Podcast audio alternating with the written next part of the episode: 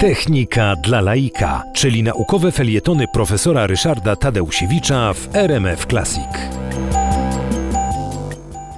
Apollo 11, pie- słynne, legendarne lądowanie na Księżycu, przypomnijmy 20 lipca 1969 roku, e, było związane także z problemem, kto będzie pierwszy, kto będzie drugi. E, Na pokładzie lądownika LM, czyli tego modułu, który wylądował na Księżycu, było dwóch astronautów. Neil Armstrong, e, który wyszedł jako pierwszy na powierzchnię Księżyca, obecnie nawet jest film pod tytułem Pierwszy człowiek, pierwszy człowiek na obcym ciele niebieskim. I jego pomocnik, dubler, człowiek, który ra- wraz z nim nawracał swoje życie i wraz z nim na ten księżyc e, dotarł. Był to Buzz Aldrin, e, człowiek, który em, był człowiekiem ogromnych ambicji. On był prymusem. Zawsze ile razy w czymkolwiek uczestniczył, w szkole oficerskiej, w lotach jako, jako pilot wojskowy, zawsze był e, no, najlepszy. Tymczasem e, wyznaczono go, że to on wyjdzie jako drugi na księżyc.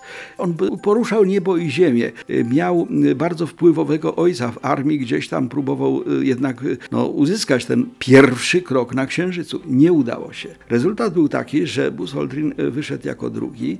Zresztą dzięki temu ma piękne zdjęcia, bo e, zdjęcie, które jest w encyklopedii takiego człowieka na księżycu właśnie w, hełmie i skafandrze, to jest Buzz Aldrin.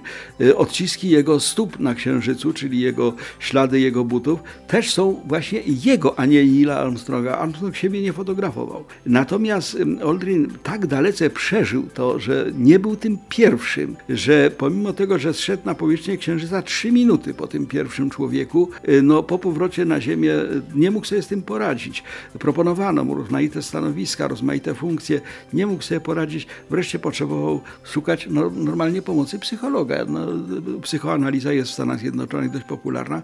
Ordin się leczył przy pomocy psychologa z tego, z czego? No, że był drugi.